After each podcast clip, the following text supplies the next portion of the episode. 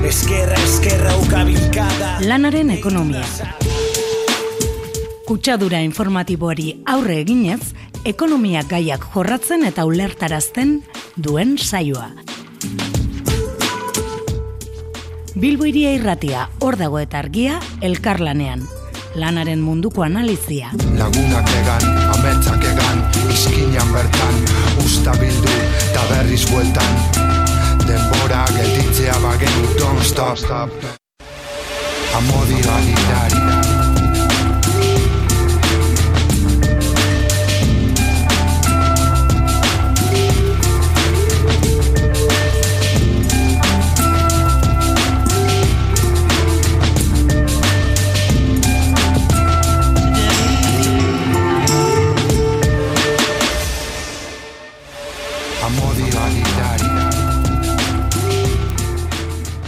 Bueno, bueno, bueno, hemen gaude berriro ere Bilboria irratia lanaren ekonomia saio berri bat egiteko eta gaurko berezitasuna da gure kide historikoa, Eki Etxebarria, bueltan dauela, gaixo Eki. Opa, egunon. Bueno, bueno, zelan joan zan tesi defentsa hori. Bueno, ondo joan zan, ondo joan zan. Ondo, ondo, ondo, bosten gara, oso, oso politxo inzu. Eh, bueno, gaur eh, Inez Agirre Azkuenaga eta Maitane Jaio ezin izan dira etorri, lan kontuak direla eta, baina, bueno, ba, abiatuko dugu gure betiko egituratik eh, gaurko saioa. Bere ere eh, azteko sindikal agenda eh, ekartzen digu ekik, eh, bereziki ba, gure e, Euskal Herriko agenda sozial eta sindikaleko deialdiekin ba, deialdiei zabalkundea edo zabalera emoteko e, gero gure gaurko gai monografikoa izango da enplegu publikoa. E, badakizue eta iaz jada saio baten gendun e, aztertzeko zelan e, lege dekretu bat onartu zen 2008 batekoaren amaieran ba, lan publikoa egonkortzeko e, aginduarekin eta horren inguruan ba, jarraipena egingo dugu Euskal Herriko sektore publikoan zelan garatzen ari dan, EPAak, egonkortze planak, e, e, osakidetzan, hezkuntza sisteman, eta baita ere e, beste Euskal Erakunde publikoetan, bereziki udaletxeetan.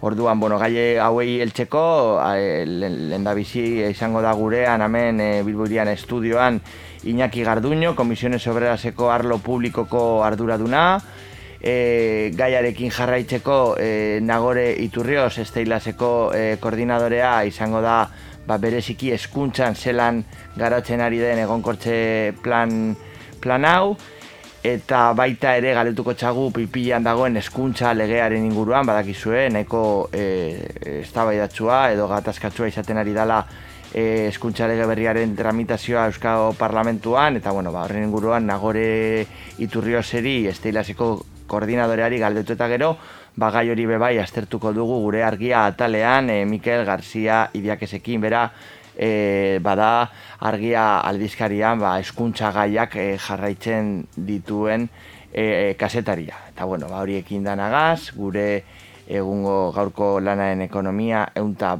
lau edo bos garren saio hau e, abiatzen dugu. Aurrera.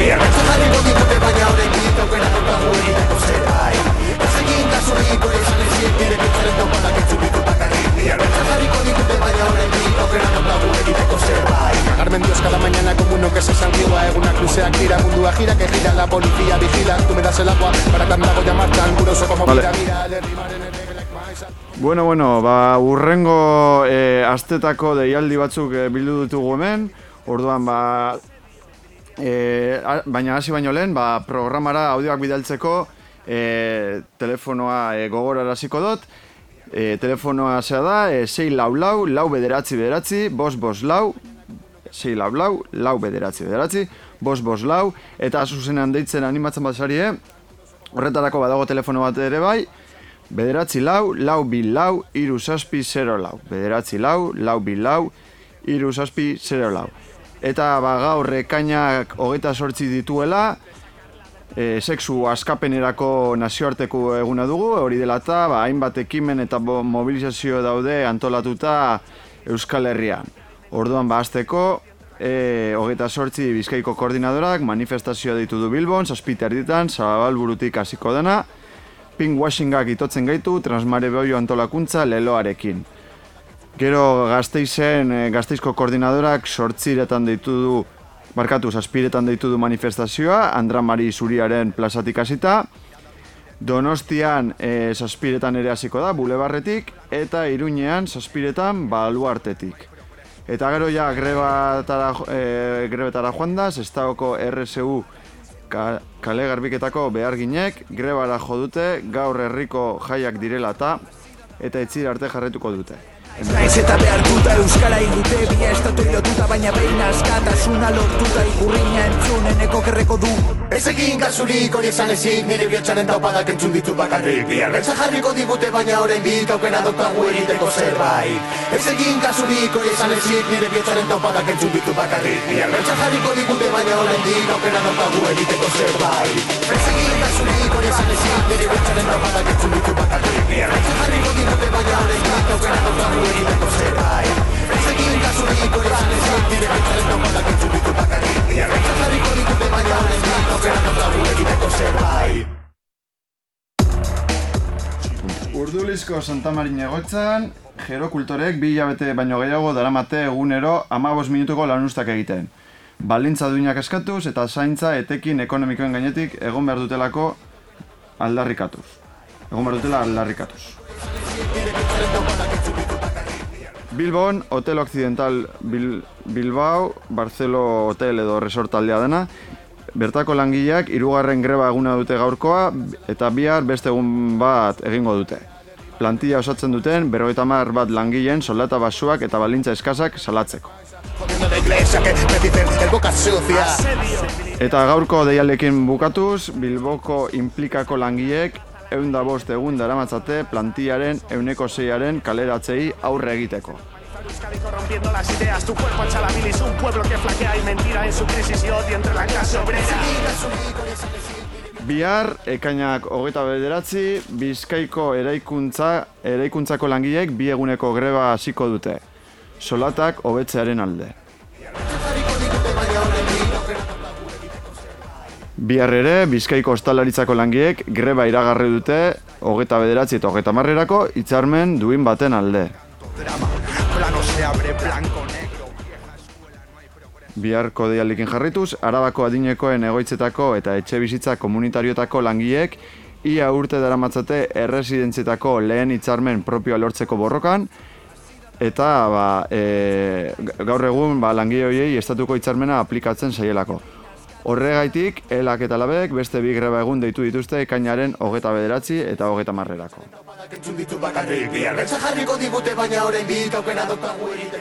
E, Barakaldon, lehen arretako murri, murrizketen eta privatizazioaren aurka kontzentrazioa deitu deitu dute, e, deitu du Barakaldoko osasungintza publikoaren aldeko ekimenak eta zazpiretan izango da bide oneran.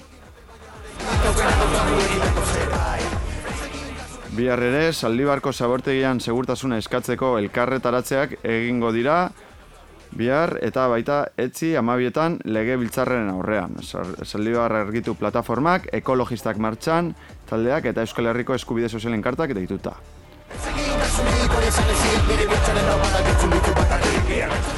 Eta bihar, e, biharko e, deialdekin bukatuz, Tolosan, Usabal kirolegiko langileak maiatzaren sortzitik e, dabiltzate greba mu- mugagabean, eta bueno, ba, bihar ere greba egingo dute.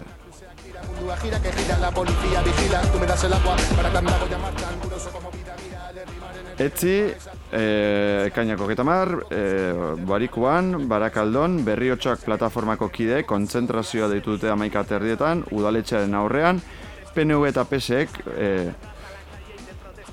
e, ah, e, udal, e, emakumentzako alberge, bargatu, PNV eta PSOek e, udal, e, osatutako udal gobernuak emakumentzako albergea itxi eta kaleko ezitzailen taldea desegingo du, dutela salatzeko.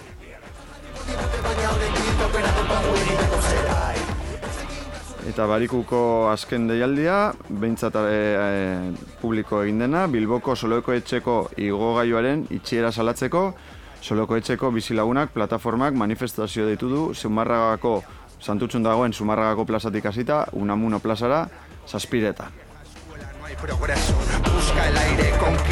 Baile.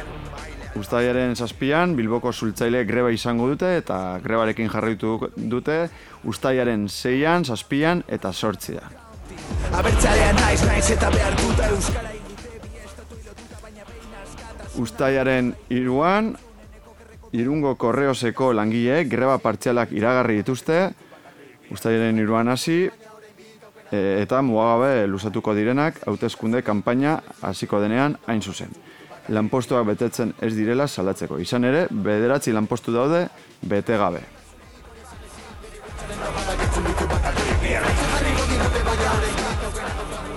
Eta ustaeren iruan, e, iruñean, hiru gazte epaituak izango dira, mi, e, 2008ko greba oro- e, orokorrean parte hartzagaitik. Guztira, amazortzi urteko espetxe zigorra eskatzen diete, eta hori dela eta kontzentrazio dute, deitu dute amaiketan Nafarroko epaitegien aurrean. Eta ja, e, deialdiekin bukatzeko, baina hau ja urrengo hilabetetan izango da, urriaren zazpian eta sortzian, e, Euskal Herria burujabe ekimena izango dugu Baionan, Ipar Euskal Herriako e, kolektiboen artean e, antolatuta.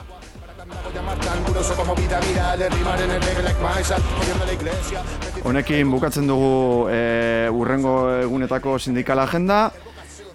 Seguramente esan dituguna baino deialdi gehiago gongo dira, urduan badakizue urrengorako e, zuen deialdiak bidali urrengo elbide elektronikora lanaren ekonomia abildua gmail.com lanaren ekonomia abildua gmail.com eta segi dezagun lanaren ekonomia zeioarekin. Azkeneko hauteskundetan eskuin indarrek gorakada nabarmena izan dute Nafarroa guztian. Nafarroa guztian, eh! Bastanen,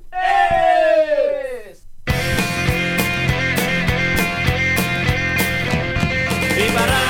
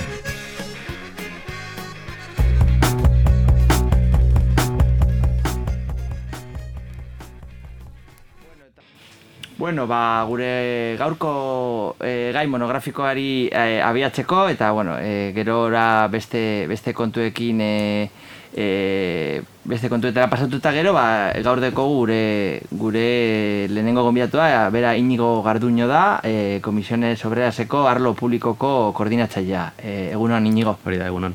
Bueno, ba, orduan, e, zaki gogoratuko badozu, baina oin dela urte bat baino gehiago, egon sinala hemen, gaurko gai bardine aztertzen, e, e, badakigu, no? ba, lan eskaintza publikoko e, lan publiko egonkortzeko plan handi batean e, murgilduta gaude, iaz jada garatzeko bidean e, egon sana, eta bueno, berez, e, lan erreforma onartu zan egun berean, e, 2008 bateko abenduren hogeita sortxiko e, enplegu publiko egonkortzeko balege dekretua, ez, apurtxu bet, lan erreforma bestea ezagunagoa dan hori onartu zan egun berean, eta kasu honetan, bestea baino motelago garatzen ari dan, beste lan, lan erreforma lan pribatuari ba, eh, enplegua egonkortzeko ba, oso, oso eraginkorra izan da, saio honetan sarritan eh, aldarrikatu eta baita eztabaidatu dugun moduan, baina bueno, orain eh, lan publikoari begira, ba, ze lan doa, orain dela urte bat gerora,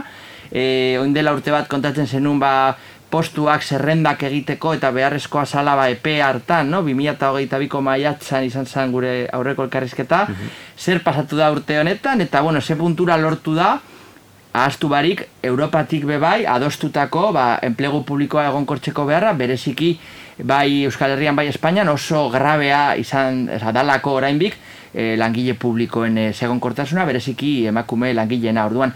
Zer pasatu da inigo labur bilduz e, urte honetan eta zein da egungo egoera? Bueno, ez da gehiegi pasatu, baina gauza batzuekin e, aurrera egin du administrazioak.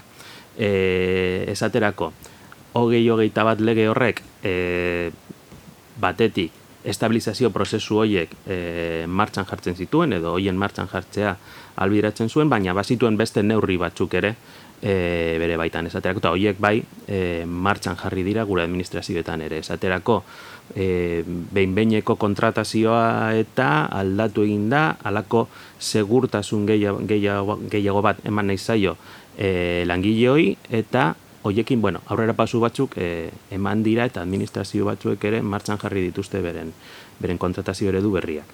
Horretaz aparte, ba, bueno, ezagunena dena, hori e, estabilizazio prozesu guzti horiek, ba, bueno, guk, e, administrazioan anitz ditugu, eta hoietan ere, ba, bueno, e, bakoitzaren abiadura, ba, pizkat ezberdina izan da. Administrazio batzuetan, ja, e, estabilizazio azterketa, azterketak egin dituzte, eta, bueno, ez ez dira e, ebatzi, baina, bueno, nahiko aurreretuta daude beste administrazio batzuetan, e, esaterako sakidetzan, ba, bueno, e, bai plazako purua e, ja e, argitaratu da, bai baditugu oinarriak eta azterketa ereduak eta baina oraindik ez dira e, azterketak egin. Eta, bueno, ba, egia esan da, prozesua nahiko luzea da, hori bagenekien hasieratik, baina, bueno, gure administrazioak ere nahiko motela aritu dira gehien bat. Ego goratzen dut, eta egonaz apurtxo bet birpasatzen e, gaur goizean, e, iaz esaten zendula, e, bai legetik eta bai gero ba, politikoki hartu diren konpromesuak, ba, lan publikoa egonkortzeko helburu kuantitatibo batzuk finkatzen direla, eta kasu honetan zukiak aipatzen zenunak, e, niri iruditze zait apurtxu bet altuak e, suposatzen dut ikuspegi sindikal batetik ba, e, e, eskubidea dago e, euneko euneko egonkortasuna lortzeko baina dozeina zukia zaipatzen zenun tasa e, lanpostu finkoen tasa nahiko altuak. E, pentsaten dozu berrikusiko direla apurtxo bet basura edo benetan egongo da goraka daundi bat eta langile publiko asko egonkortuko dira eta temporalidadea ba, ordezkapenetan, eta, bueno, beste kaus, e, e, norm, normalitatetik e, excepzionalitatera pasako da. Bueno, gehiageta bat legeak bazituen bere, bere gauza honak eta bere gauza txarrak. Eta bere gauza honetako bat izan zen, eta gure ustez, mm, Euskal, Euskal Erkidegoko administrazioetan bete ez dena, e, bere gauza hona bat zen, egun e, aldi baterako diren lanpostuak, baina egiturazkoak izan beharko liratekeenak, hoiek e, argitzeko eta e, egituratzeko e, tresnak albiratzen zituen. Eta gure administrazioak ez ditu hoiek, hoiek e, erabili. Hau da, esaterako. E, administrazioaren edo jaurlaritzaren e, datu berak erabiliz. Osakidetzako kasuan, e, behinbeineko tasa euneko berrogeta mazortzikoa zen e, 2008 bat urtean. Hau da, e, lan egiten zuten jen, langile guztien e, hogeta lau, mila eta zeieun, nolako zerbait, e, behinbeinekoak ziren. Eta ala ere, estabilizazio plaza bakarrik, estabilizazio epeak kontuan hartuta, bakarrik iru mila zeireun inguru atera behar dituzte. Beraz, e, badirudi e, alako e, estabilizatzeko esparro handia dutela oraindik e, aurretik. Erabiliko dute? Bueno, ez dakigu, guk behintzat gure kasuan e, plaza hoiek argitaratzeko elegitea aurkeztu dugu ja e, epaitegietan, oraindik oso mm, aurreti asko prozesu batean gaude, baina uste dugu gehiago atera behar direla. Horretaz aparte, ez da hainbeste ikuspegi sindikala edo politika e, ikuspegi bat edo er, administrazioaren zerbitzu publikoen erabiltzaile gisa izan dezakegun e, ikuspegia bizik eta legeak berak finkatzen du nola prozesu honen amaieran e, behinbeineko tasa izan behar dela sortzit, euneko sortzitik azpikoa. Orduan, e, guk ditugun e, o, guk parte hartu dugun prozesuetan e, gertatu dago ikusita uste gu uste dugu oraindik ere e, ez garela e, euneko sortzi azpitik, e, azpitik horren e, horretatik egongo.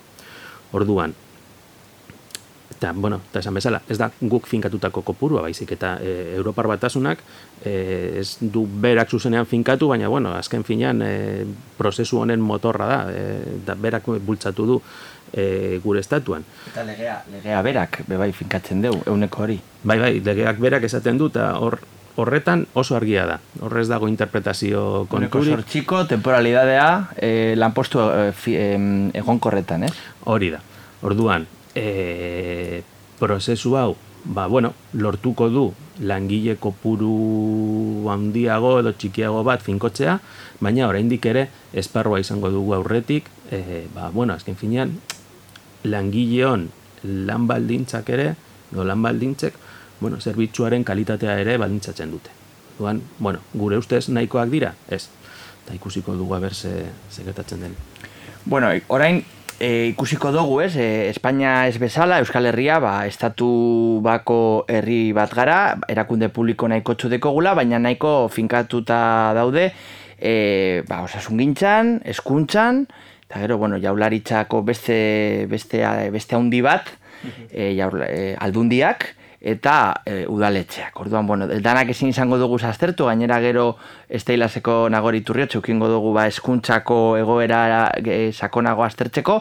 Baina, bueno, e, azteko eta nik uste dut, e, keska gehien sortzen dauena, da, osasuna, osasun arloa, osakidetza, Euskal Herriko enpresarik handiena, bai fakturazioan eta bai enplegu kopuruan, badakite zuke nahiko gertutik jarraiten zabizela ba prozesu hori, beste sindikatuekin batera uste suposatzen dut, zein da egoera, osakidetzako egonkortxe plana, zela, zelan doa?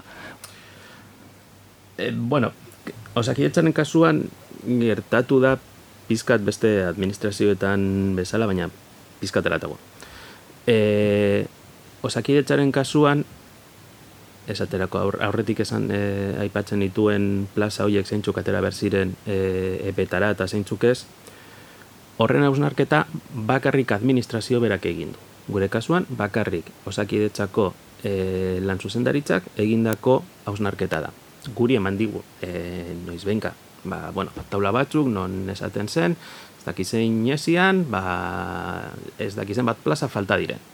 Edo beraiek aurkitu dituzten plaza horiek guk ulertzen duguna, ulertzen genuena momentu horretan, e, zen, ba, lan hori ez duela administrazioak berak bakarrik egin behar. Baizik eta guk ere parte izan behar dugu alako plaza hoien hausnarketan eta plaza hoiek ar, argitaratzean, bueno, edo, bintzat, e, ba, bueno, zeintzuk atera behar diren e, lantzeko, ezta? Gure ustez, beraiek atera dituztenak, dira osakidetzak berak nahi dituen plazak, ez atera beharko liratekeena. Eta horrek, e, lehen esan bezala, hogei hogeita bat legeak hori albideratzen du. Ba, jartzen duen baldintza bakarra da, e, aurre kontua ez handitzea. Baina pertsona horiek badaude lan egiten osakidetza.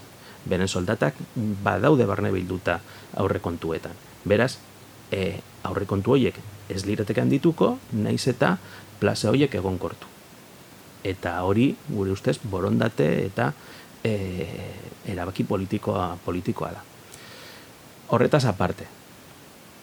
Eh, osakidetza baita famatua izan da azken urteotan, ze bueno, ba bere epeetan alako alako ez, bueno, apurtxo be tramp tramp trampatxuak egon dira bai. Bai, zertxo bait, zertxo bait egon da. Hor.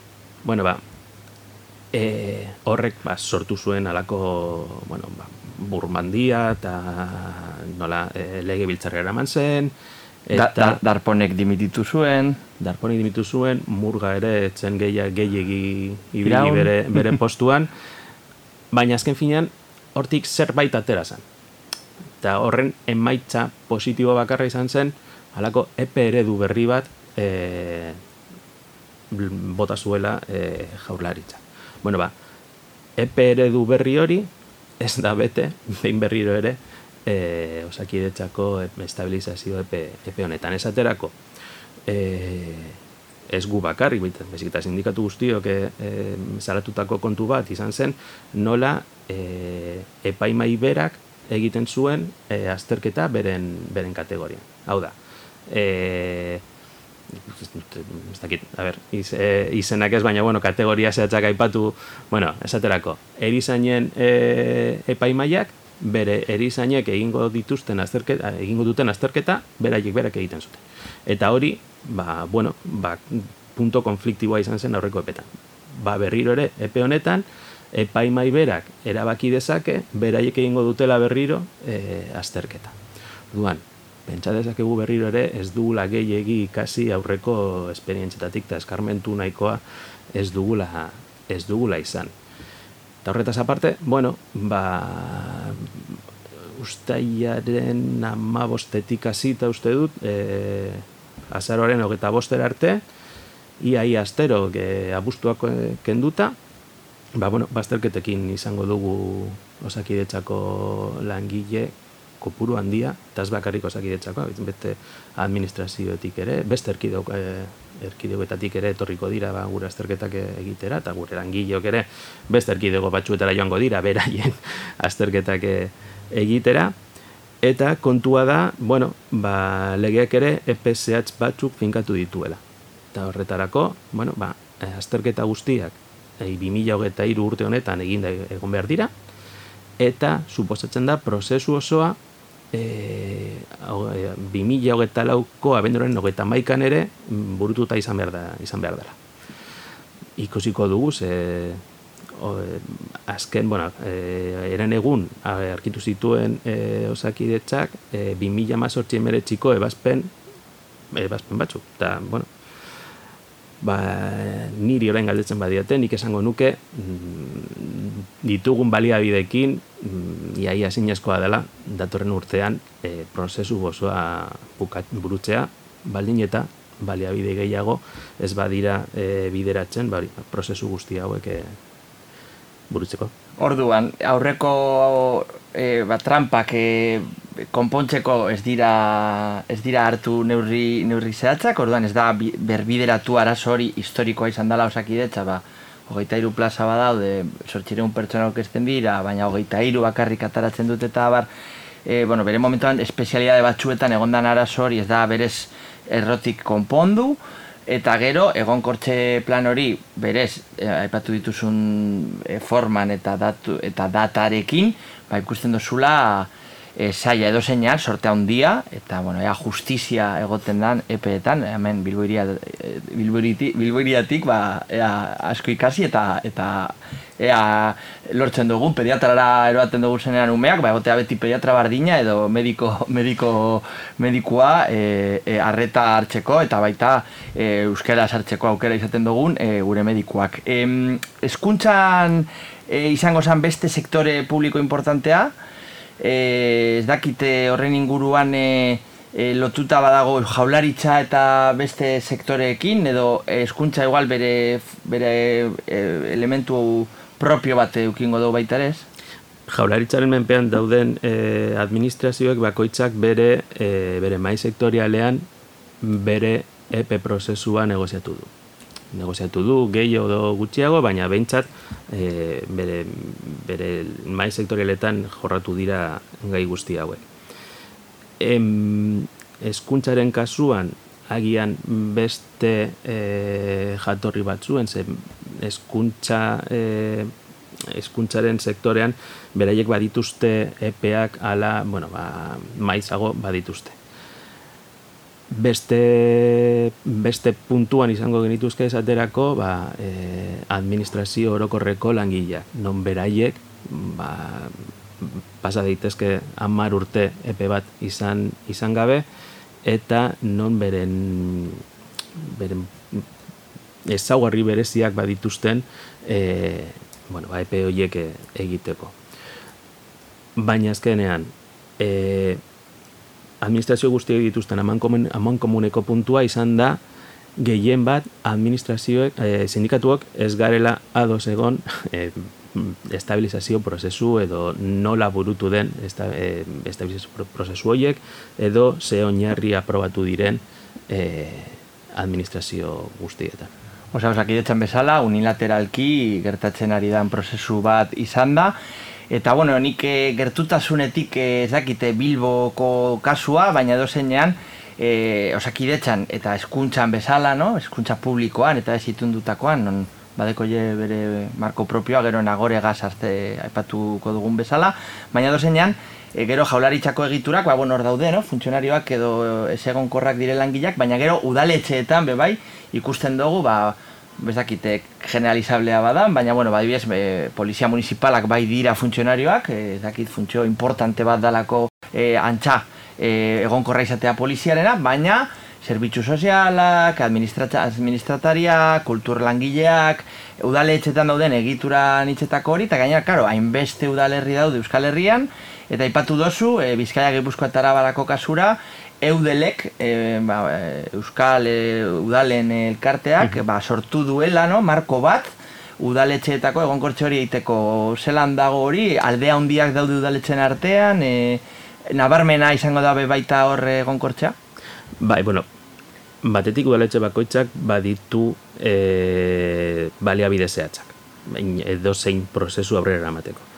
E, udalet, kasu honetan, e, estabilizazio epe honen edo ezoiko epe honen e, kasuan e, udalet, udaletxe txikienek bueno, ba, egin dutena da e, alako, e, eudelek egin du alako e, epe eredu bat ba, udaletxe txiki hauentzat e, eredugarria izan daitekena eta e, udaletxe gehienek eredu hori hartu dute eta aldundia izan da epe hori martxan jarri duena edo epe, epe hori egikarituko duen e, erakundea.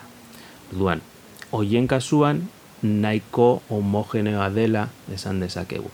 Eta badute beste berezitasun bat, ba, jorlaritzarekin konparatuta, eta da beraiek e, gehien bat e, soilik lehiaketa blokea izango dute. Lau da, eh, gehien bat, plaza gehienak, e, erabakiko dira nortzuk bete, beteko dituzten, azterketa egin barik.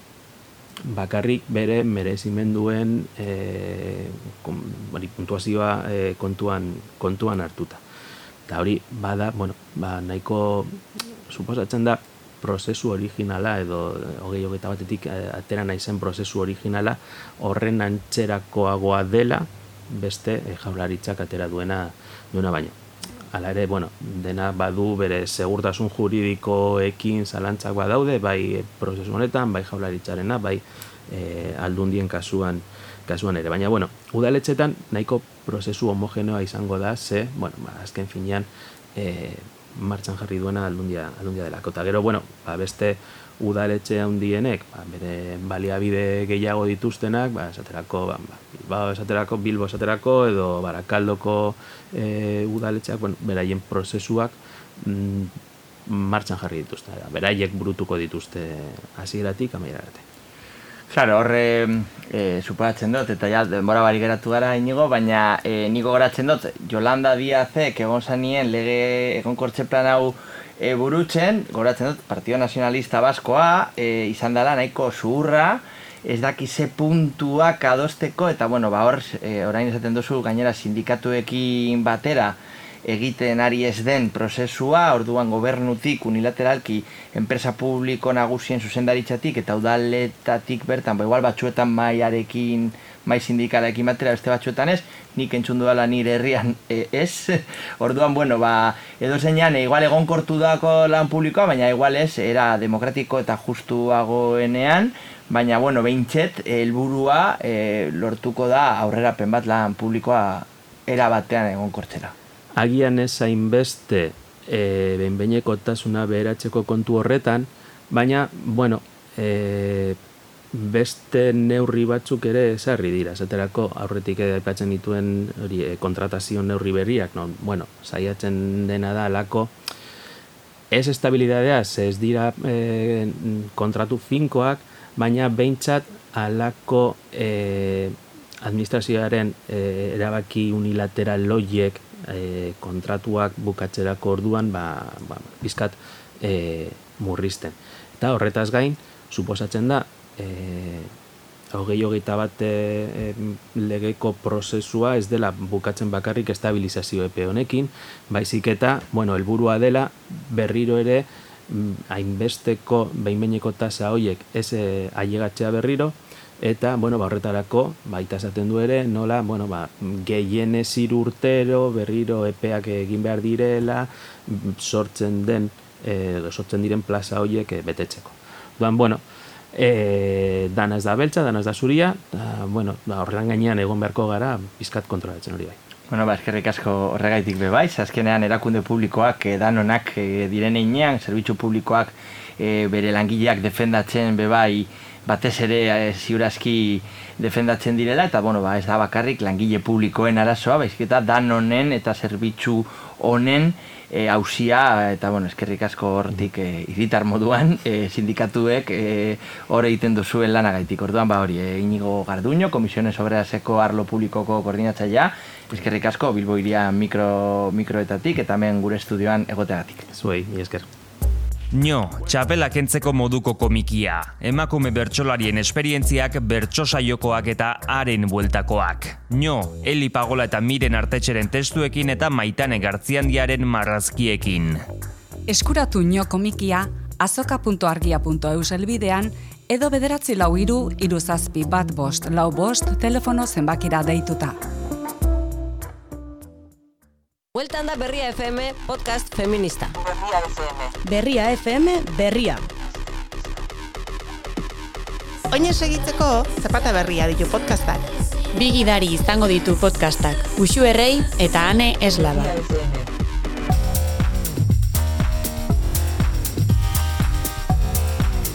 Batu gurera betaurreko morea graduatzeko. Eta aktualitateari punta ateratzeko. Martxoaren zortzitik aurrera. Berria.eusen eta plataformetan entzungai. Koloretze, Bilbo Zaharra, San Francisco eta Zabalako emakumeen etxea. Emakume feministen elkarte bat gara, eta gure auzoetako emakumeen bizi baldintzak eraldatu nahi ditugu. Horretarako, topaketerako, errekonozimendurako, laguntzarako, eraldaketarako eta parte hartzeko, gune bat behar dugu haus horietako eta bilboko gainerako lekuetako emakumeen artean zareak sortzeko gunea. Satoz koloretze ezagutzera eta txapa bat eraman.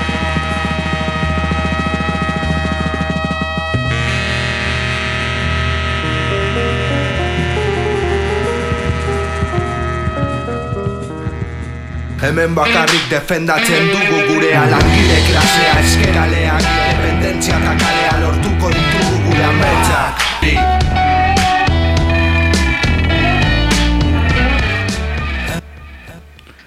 Ba, egonkortzaren gaiarekin jarraituz, Nagore Iturrioz Estela Sindikatuko bosera maila dugu telefonan bestaldean, Euskal Herriko Hezkuntza Sisteman izandako garapena aztertzeko, egunon Nagore?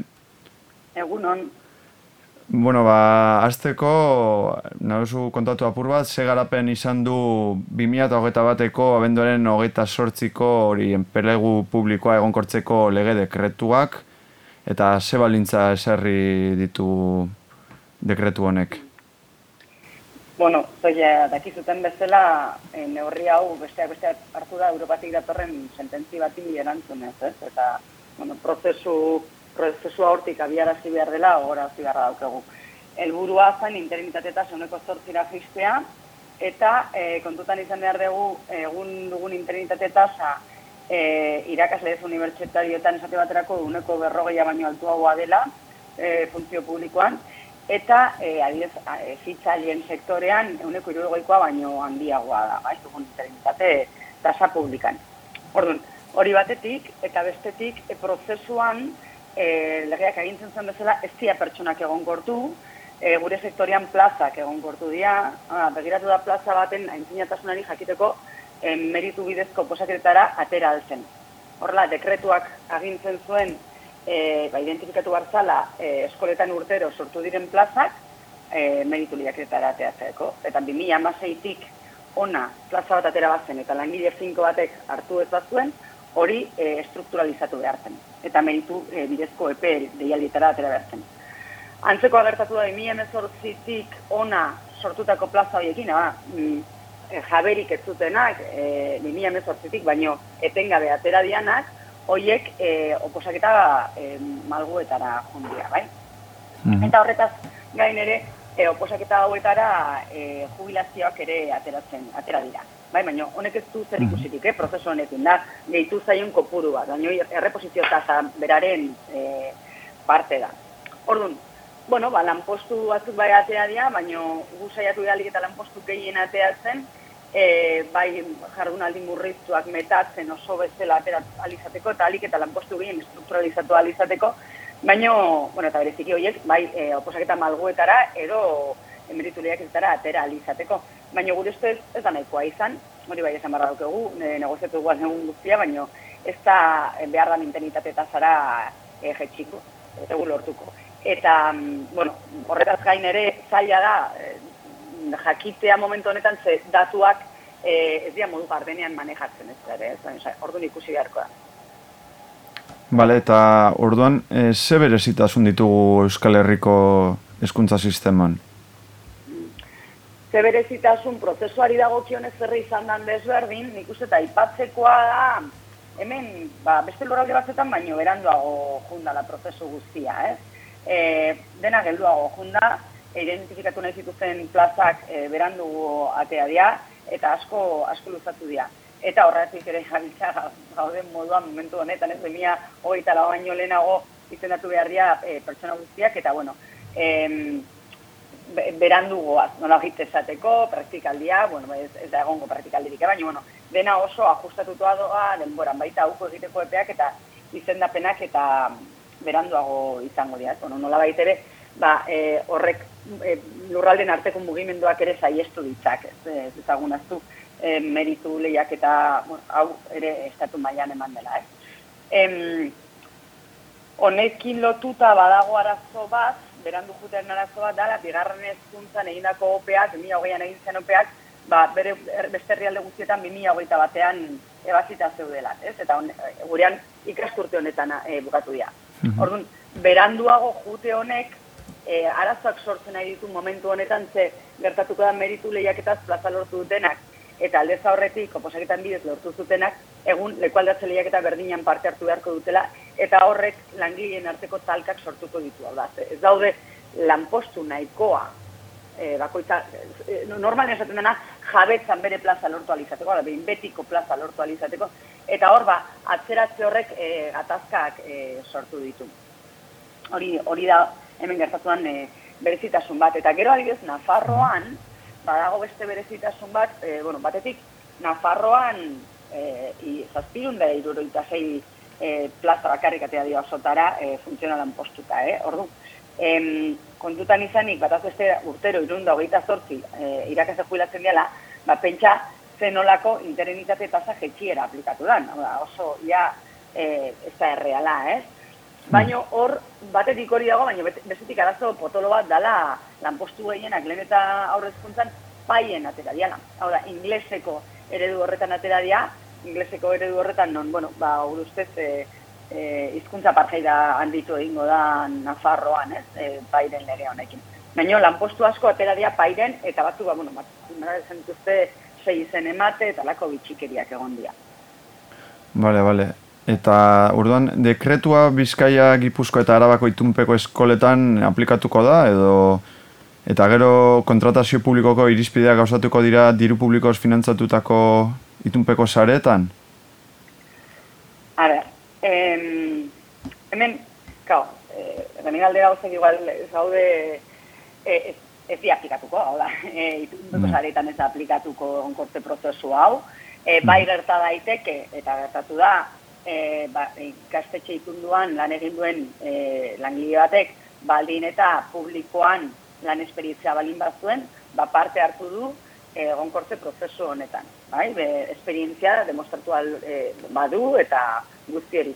Baina prozesu hau ez da itunpeko prozesuaren parte, eta gara, eskemen arazo badaukegu, ez? Askotan nik uste dut garai hontan non dena hasten den eta publiko eta pribatua eta izen berriak asmatzen ditugun betiko gauzak izendatzeko eta azten ja titularitate pribatua kontratazio eskubidea duela. Eta, kau, ez da sarbide berdina publikoa eta pribatuaren txat. E, Ja. Nolait, ezateko pri- pribatuan adedo izendatzen dira lanpostuak, eta e, e, eskariak ez dira berdinak. Dungu ez daukezu zertan frogatu behar, ez dakitze gaitasun edo dana dalakoa, hori legeak ez du agintzen, ez? Orduan, e, bat, hori da hain zuzen ere gure aldarrikapenetako bat, guk e, kontratazio e, zerrenda bakarra eskatzen gabiltza aspaldi, e, publiko zein pribatuan entzat. Guk argi daukegu kontratazio bai publikoan eta pribatuan zerrenda bakarretik emango baliz eta langile guzti horiek kualifikazio zehatz bat, bai euskera gaitasun bat, bai kualifikazio pedagogiko zehatz bat izango balute, ba hori nolabait publifikazio endogeno balitzateke. Hala, etorkizunean publifikazio prozesu bat eman nahi baldin badugu, egitura horiek berdintzea da biderik eh, os, osasuntxuena, ez, eraginkorrena. E, hori batetik eta gero bestetik ere kontutan izan jaiotze eta zagizten ari honetan, e, lanpostu horiek, pribatuko lanpostu horiek egonkortzez balin badia eta publikoen ere moan sartzez balin badia arrisku larrian daudela, eh?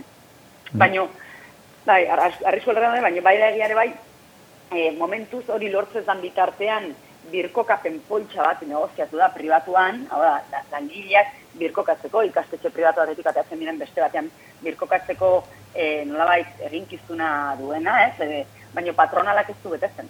Eta hezkuntza sailak ez du ez egiten. Orduan, langile, pribatuko langile hoiei babesa emateko momentu honetan tresnak ez dute funtzionatzen daudenak eta proposatutakoak ez dira hartzen. Bale, eta noiz arte garatuko da urdan egonko dortze prozesua? Ha, prozesu hau ja azken txampan gaude, eh? En behin betiko zerrendak eh, argitaratu dira, horren ja, jarritazen odotzu duten e, funtziono bihurtzea meritoliaketan bidez, eta hain dudan esleipena egin darko dute, hau da lanpostuak e, hartu hartu dituzte, eta urri bukaera arte gutxi bera bera, mediko azterketak egin eta abar, eta bueno, e, urrirako izendapenak aurre ikusten dira dagoeneko. Eh? E, datorren azaroan ja ar- ar- beraien lanpostuetara, ora, leku aldatzeleaketetaran parte hartu halko dute. Beraz, e, abendua baino leheno amaituta litzateke prozesua. Bale, bale, eta bueno, gaiaz apur bat aldatuz, ez guztiz baina apur bat, e, zelan dator orduan e, hezkuntza legearen onartze eta aplikazio prozesua urrengo ikasturtean. Udal matrikulazio bateratua garatuko da segregazio murrizteko? Oso erantzun zuzena, eh? eh, ez.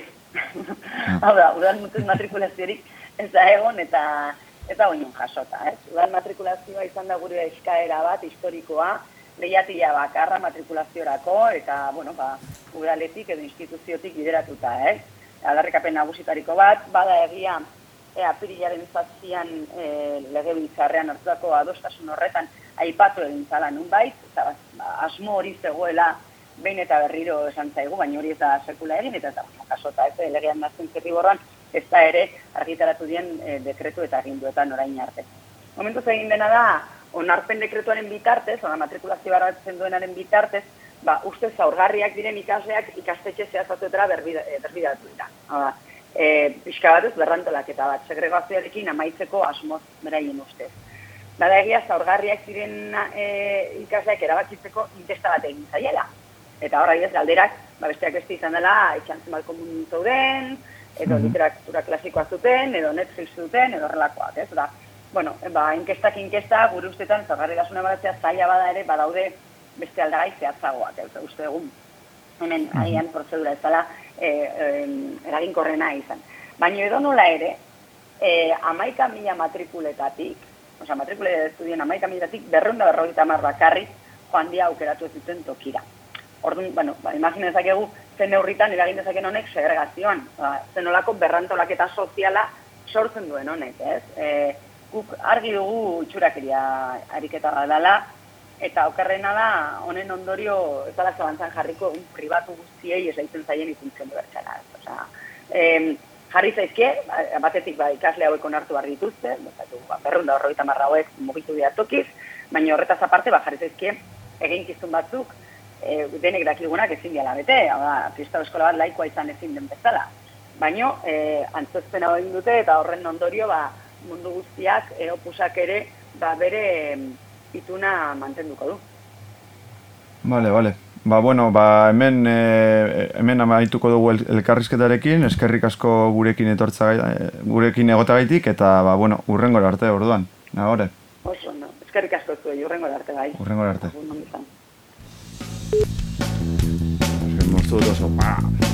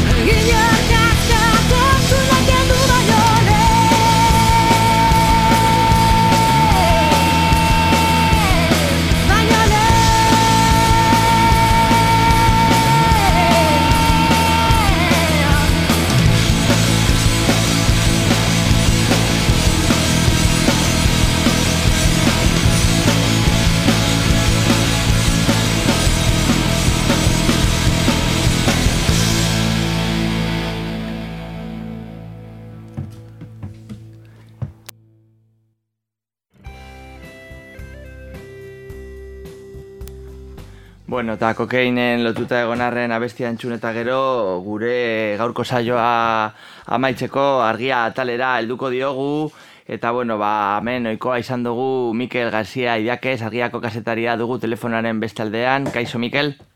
Kaixo. Bueno, eh, orain bukatu dugu estilaseko bosera maiarekin elkarrizketa eta eh, eh, enplegu publikoa gonkortxe plana aztertu eta gero, ba, eskuntza legearen inguruko ba, valorazio harin bat egin dugu beragaz, eh, zu jarraitzen dozu baita eskuntza legearen ba, tramitazioa argiarako, eta bueno, ba, badakigu eh, eskuntza legea, ba, akordio al, nahiko zabal batetik eh, etorritako e, eskuntza lege aurre proiektua, orain ja e, testu batean e, eustartu dago, alderdi e, uste dut bat e, ba, ja akordiotik e, jeitsi da, eta orain tramitazioan eta agerraldiak egoten ari dira e, Eusko Parlamentuan. Ez dakit, Mikel, honen prozesu honen valorazio valorazio bat egin ahal izateko, ba, zein, zein da zure lehenengo zure lehenengo e, sensazioa edo prozesuaren inguruan? Bueno, ba, nire sensazioa da, e, aipatituzun agerraldi hauei dagokienez, berrogeita zei agerraldi izan dira, ez dira gutxi, ez? E, ezkuntza komunidadetako, bueno, pues, eragileek eta beraien iritzia eman dute, e, ekarpenak egitea zen asmoa, ezkuntza legeari ekarpenak egitea, baina ekarpenak bezen beste kritika entzun ditugu, eta nire sensazioa hori da, ez? E, bueno, ba, kritika desente jaso dituela orentxe bertan e, aurre proiektu testuak, ez, eragileen e, artean, berrogeita zei agerraldi esan duena, ez da gutxi lege bitarrean, ba, politikariek entzun dituztenak e, ezkuntza batzordean, eta orain e, ba, politikari urei dagokie, ba, berre, karpen horiek bere egiten dituzten, eta ba, zuzenketa fasean, ba, proposatzen dituzten, ez, ezkuntza legean e, aldaketak egiteko, segurazki fase hori iraietik aurrera izango da, nahiz eta, bueno, ja esan duen jokin bildarratzek, lege gintzaldi honetan e, onartzea dela asmoa, ez, legea lege gintzaldi honetan onartzea ikusiko dugu. Baina, bueno, horrengoz behintzat, e, aste hauetan eragilek izan dute hotxa eta bastante e, mamitsua izan da esan dutena. Bai, agerraldiekin sartu baino harina, e, ze, ze pasatu da, amen, ez dakit e, zein da zure, zure analizia, zuke gai hauek jarraitzen duzulako, ituna e, adostasun zabalera ailegatzeko gai izan dela, naiz eta, bueno, hasieratik egon direz, badibidez, estila sindikatua, edo Euskal Eskola Publikoa Sarro Plataformak, edo guraso elkartetatik, ba, itunari e, kritikak, baina gero itunatik aurre proiektura, e, zer ez da ustartu, edo zer pasatu da apurtxu bet, ba, deskonfidantzak edo, edo desadostasunak areagotzeko? Ba, bueno, nik uste dute bi, bietatik egon dela. Batetik e, batzuk, eragile batzuk zuzenean e, kontra daude bai itunetik hasita, oza, ituna bera ez dute balezkotza hartzen eta horra ez Euskal Ezkontza Zerbitzu Publikoa ez, e, eredu hori izango dana e, honen oinarria bera ja arbuiatzen dute, Orduan horrek e, ja jende bat e, bueno, karroti jaitsi du zuzenean hasieratik eta gero beste jende batek ikusten du edo beste eragile batzuek eta beste politikari batzuek ere bai, ba hori itunean e, bueno, zehaztutakoa edo adostutakoa ba ez duela ezkuntza lege aurre proiektu honek bere egin, ez? Hainbat mailatan, edo hainbat kontzeptutan, pues ez duela edo nahikoa sakondu, edo puntu horiek ez ditula ondo adierazi eta batez ere nik esango nuke eskola publikoaren rolari lotuta, eh, eta dela desadostasuna handienak. Ja, eh, ez dakite ados egongo basaren, eh, bentxete jarraipen apurtxu bete komunikabietatik etxen dugun ontzat, eta ez hainbeste testu sakonetatik, edo azterketa sakonetatik, badagoela bi, bi, bi gai apurtxu bete gatazkatxuenak, ez? Eta, bueno, lehenengoa da segregazioa, edo badakigu, ba, eskola publikoa, ba, batxu, eskola publiko batxuetan, ze anistasuna handia dago eskola publiko herri zerri eta baita itunpekoetan ere, baina dozenean, e, ikasle zaurgarriak, e, jatorri Euskal, Herri, Euskal Herrian jaio ez direnak, edo bentset bere gurasoak Euskal Herrian jaio ez, ez direnak, edo baita, bueno, ba, errenta maila basukoak, ba, eskola, sarritan, eskola publikoan, edo e, batxutan, itunpeko batxuetan, e, pilatzen direla, eta bueno, itunpeko beste batzuk, adibidez, e, ikastolasko, e, ba ez dutela e, biztale zaurgarri hauek hartzen, ez? Eta badago aportxu beta horre proiektuan segregazioa murrizteko asmorik eta edo neurri eraginkorrik ikusten dozu hor? Ba, nik e, bi ezberdintasun ikusti ditut horrez, e, asmoari egotzen bagaztezkio, suposatzen da baiet, zeren gaina e, lege proiektu honen espirituan eta oinarrian hain justu e, hori dago, ez? Edo gai potolotako batzuk esan duzun bezala segregazioa da dudari gabe azken urteetan ja gaiak dimensio oso handia hartu du eta eskola publiko eta itunpekoen arteko, bueno, gatazka iturri nagusietakoa esango nuke hori dela eta, bueno, asomoa edo helburu eta mintzat horrela zehazten da, guain, neurri eraginkorrik aldagon, ba, hori ja beste galdera badanik. Ari ez agerraldiei e, erreferentzia egin ez uste Save Childrenek oso mm, azterketa e, egokia egin zuela gaionen inguruan, eta ez esaten zuen bera, bueno, aurrerapen batzuk bai ikusi dituela. E, ez hainbeste e, egualizkuntza legean, bezik eta ezkuntza legearen espiritua dekretutara eta onarpen agindutara errematerakoan, ez? Ikusi, bera, ikusi dugu e, urrengo ikastorteko aurre matrikulazioan eta matrikulazioan ja, gauza batzuk martxan jarri direla, ez? Ba, plazak gordetzea onditu da, ez? eta e, ikastetxe eskatu zaien ba plaza gordetzeko, ez? Zorgarritasun indizea ere ezarri da. Eta, e, bueno, horrelako neurri batzuk e, on, ontzat jo ditu adibidez irbetxeteran, baina gero esaten du, hendik ebide luzea dagoela egiteko, eta e, ez dela nahikoa, ez? Adibidez ikastetxei ikasle zaurgarri portzentaje bat eskatu beharko litzaiek zuzenean, edo zaurgarritasun sozioekonomikoa zer dena adibidez, hobetu zehaztu behar dela, ez? Batu objektibotan eta bar. E, eta e, eskola inklusiboaren e, ordezkariak ere agerraldian e, bide horretatik jozun, eta bueno, eskatu dute e, askotan e, eskatu izan da bulego bakar bat matrikulaziorako, ez? E, batera gilek eskatu dute da, hori adibidez e, legeako nik du jasotzen, edo ikastetxerako izan ezkuntza komplexutasun indizea, ba, publiko egitea eta kontuan hartzea erabakiak e, hartzerakoan, hori ere esatzen zuen adibidez, ez? eskola inklusiboaren e, ordezkaria, ba, bueno, ba, jakiteko, a ber, ikastetxe honetan e, benetan e, oreka ematen da, edo, bueno, bere e, ezkuntza komplexutasun indizia zein da, ez, horren arabera zen eurri hartu dira, eta nola bideratu dira ikasleak ikastetxe batean edo bestean, ez? Bueno, horrendik e, badu bide badu bidea egiteko eta neurriako hendik eraginkorragoak izan daitezke dudik gabe. Eta gero, bueno, bigarren gaia, e, nahiko argita garbi eta eragile desberdinetatik, e, entzuten ariana da Euskara, Euskara murgiltze eredu bakarra edo eredu linguistiko ba, bereiztuak mantentzearenak. Eta hor gainera ez dakite zelan, e, zelan aztertzen dozuzuk, e, alde, orain bikitunean e, mantendu diren, ba, elkarrekin Podemos irten baitunatik, baina ba, Eusko Sozialistek eta Euskal Herria Bilduk orain bikitunean edo horre proiektuaren aurrera iteko borondateagaz mantendu direnak, baina ez, ez daude ados, e, zentsu honetan, orduan hor aurre proiektuan zer dago eta zelan garatuko da azkenean mm, eredu bakarra gongo da, Euskara ardatzu duena, edo A, B, D eredu horiek mantenduko dira. Bueno, ba, e, bati edo besteari galetzen hori meduzu, erantzuna ziurrenik e, e, ezberdina izango da, ez? E, batzuk esan dute ez dagoela ABD dedurik, beste batzuk jokin bildarratzi entzun diogu baiet, oiek bere horretan mantenduko dela, orduan pixkan azgarria da.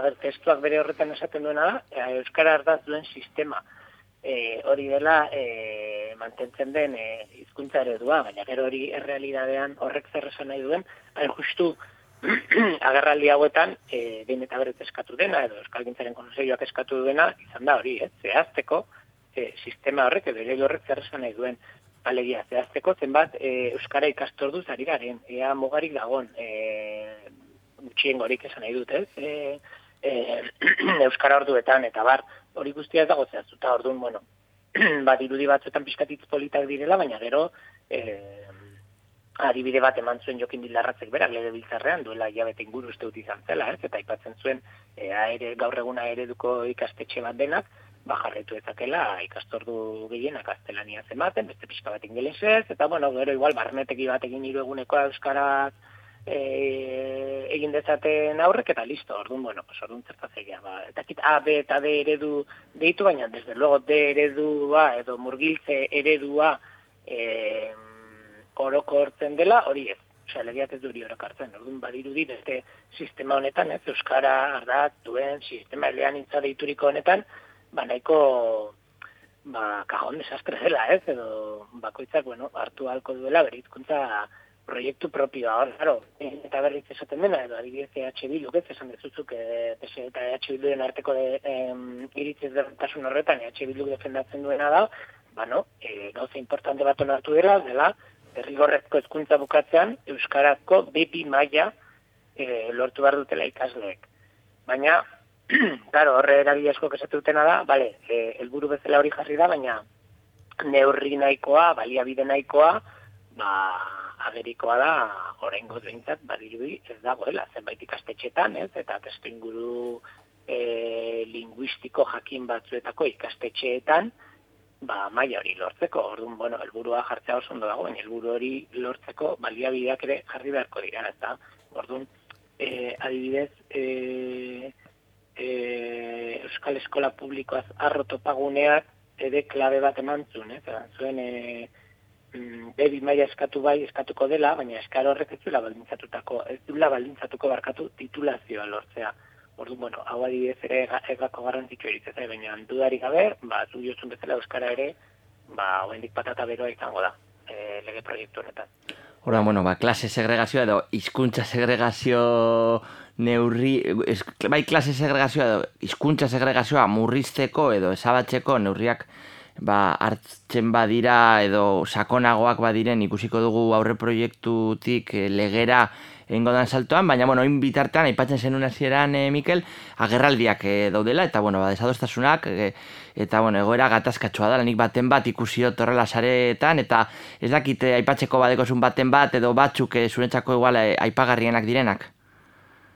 Bueno, nik, nik que bakoitzak berean, ba, ekarpen interesgarriak egin dituela, eta ez nuke bat edo beste destakatuko, zer gainea, mm, bueno, agerraldi batzuk edo besteak oso lerratuta egon dira, eh? bueno, bakoitzak beretik egin ditulako ekarpena nik gehiago gaietan jarriko nuke e, arreta, ez? Euskara eta segregazioa aipatu dituzulako, baina e, publikotasuna, e, oso presente egondalako e, agerraldi asko eta askotan, ez? E, dakitzen moduan Euskal Hezkuntza Zerbitzu Publikoa eredu hori, ez? Sortzen du hezkuntza lege honek, lehen aipatzen nuen, horrek esan nahi du, ba, e, eredu honetan sartzen diren ikastetxe guztiak, ba, itunpekoak barne, ba, euneko egunean diru publiko finantzatuko direla, ez?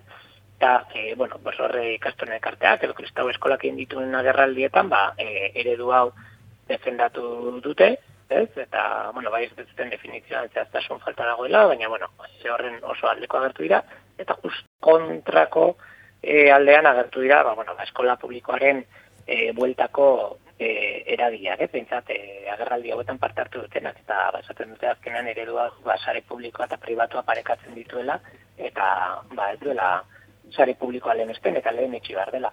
Eta horra dibidez, e, eredu honi lotuta, oso interesu ditu zitzaidan, e, Save the Childrenek eh, aipaturikoa, berak esaten du Euskal Hezkuntza Zerbitzu Publikoaren eredua Kataluniak aspaldi daukala ezarria, ez?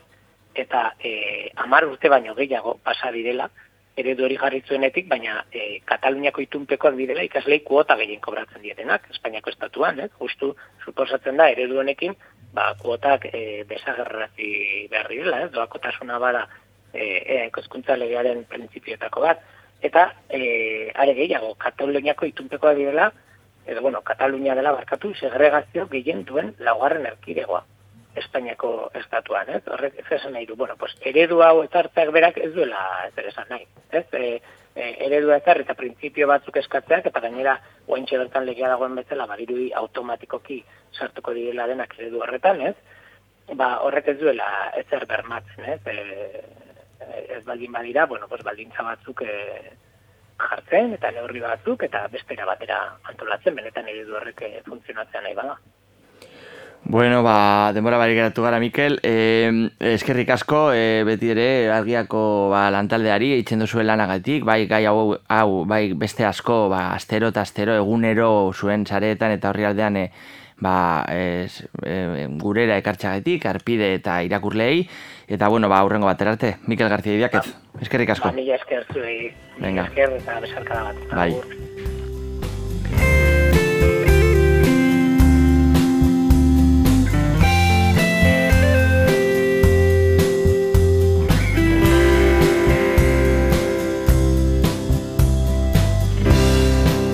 Itziario berri bat argitu naiz Nik deus galdetu gabe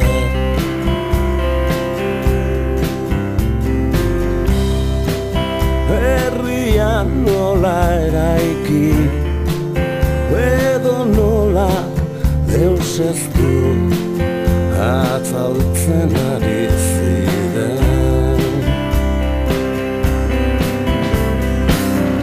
Thank.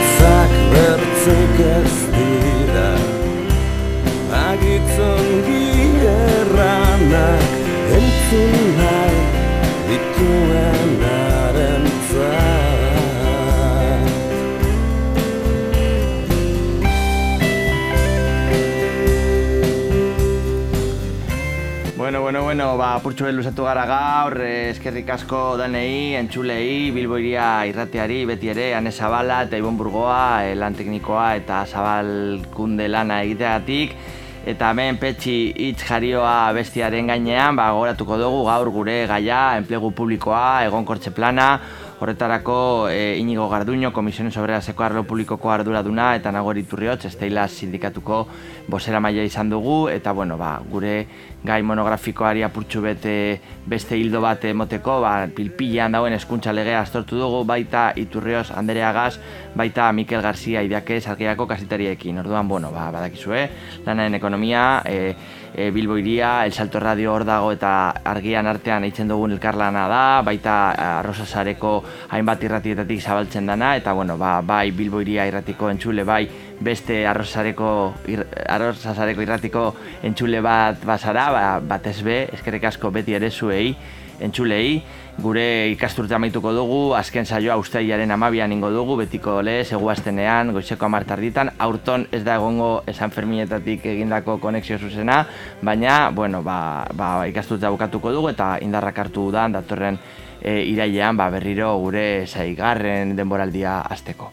Ba, eskerrik asko eta emetik bihaztean berriro entzungo gara elkar.